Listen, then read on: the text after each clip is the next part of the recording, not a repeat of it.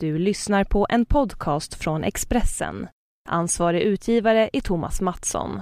Fler poddar hittar du på expressen.se podcast och på iTunes.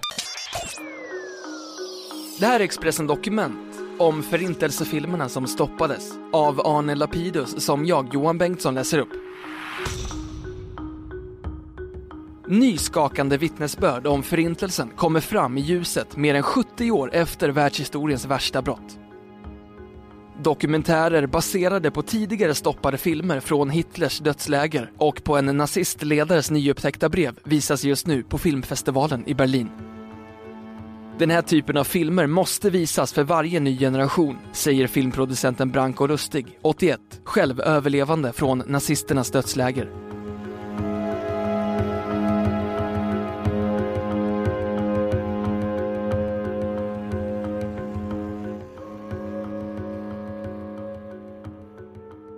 Nya dokumentärer och spelfilmer om Förintelsen kommer varje år. Men än är långt ifrån sista ordet sagt om denna mörka tid i mänsklighetens historia. Årets internationella filmfestival i Berlin visar nytt material som antingen glömts bort i arkiven eller medvetet gömts av krigsförbrytarna och deras efterlevande. Festivalen, som pågår just nu, domineras av temat Förintelsen och Tysklands problematiska 1900-talshistoria. Vi har ett program som blickar tillbaka på Tysklands historia under 30 och 40-talen och på Förintelsen. Det var inte avsiktligt, men det råkade finnas ett antal bra filmer i ämnet, säger festivalchefen Dieter Koslik. En dokumentär med det sakliga namnet Kartläggning av tyska koncentrationsläger är kanske mest uppskakande. Den innehåller filmer som brittiska, amerikanska och sovjetiska trupper tog när de 1945 befriade döds och koncentrationsläger som Auschwitz, Bergen-Belsen, Dachau och Buchenwald. I dokumentären visas utmärglade fångar som möter sina befriare. Tyska officerare som slänger ner skelett efter döda fångar i gravar. Och hur en liten utsvulten pojke kastar sig över en tallrik soppa.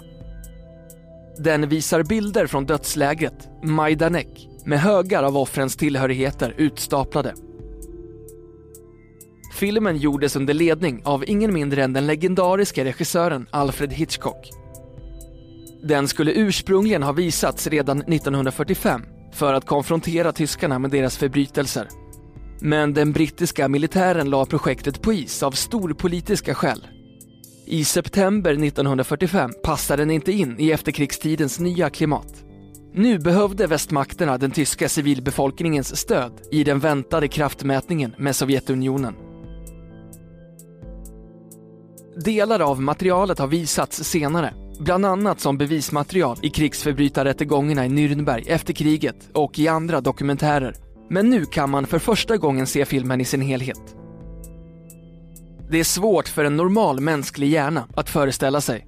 Jag hade tittat in i helvetet, säger en av de brittiska soldater som deltog i befrielsen. Den tårögde brittiska krigsveteranen berättar om sina upplevelser i filmen Night Will Fall, som gjorts i anslutning till dokumentären om dödslägren. Den berättar hur den andra dokumentären kom till. Huvudperson är Sidney Bernstein, som tog initiativet till projektet för att lära hela mänskligheten en läxa.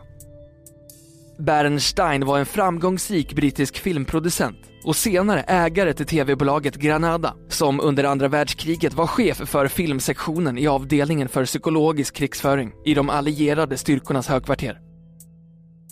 Bernstein förutsåg att människor i framtiden skulle förneka omfattningen av förbrytelserna, säger Toby Haggith på det brittiska krigsmuseet som hjälpt till att ta fram materialet till AFP.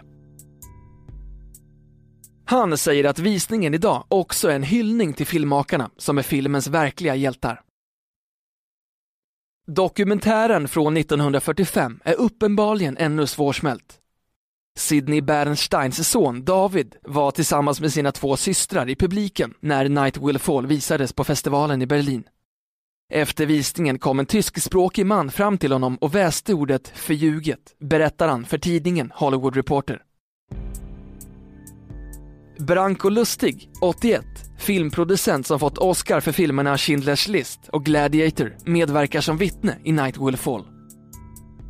Jag tycker om den här filmen. Den här typen av film måste visas vart 25 år för varje ny generation, sa Branko Lustig på en presskonferens i Berlin.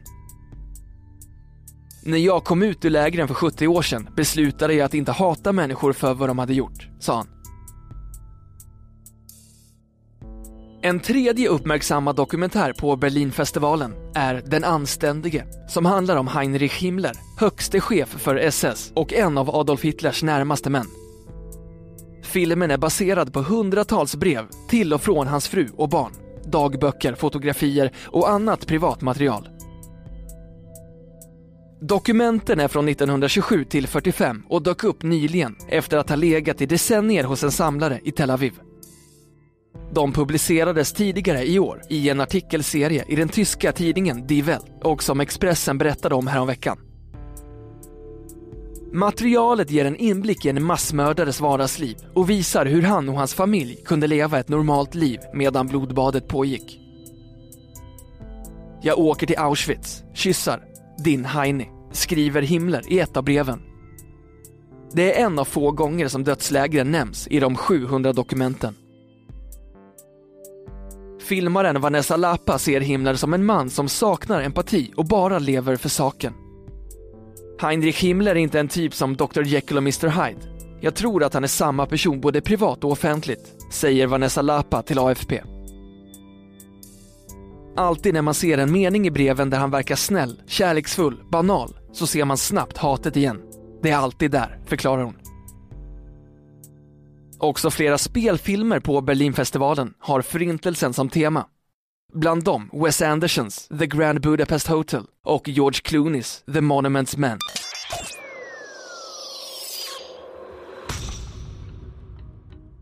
Du har lyssnat på en podcast från Expressen. Ansvarig utgivare är Thomas Mattsson. Fler poddar finns på Expressen.se och på iTunes.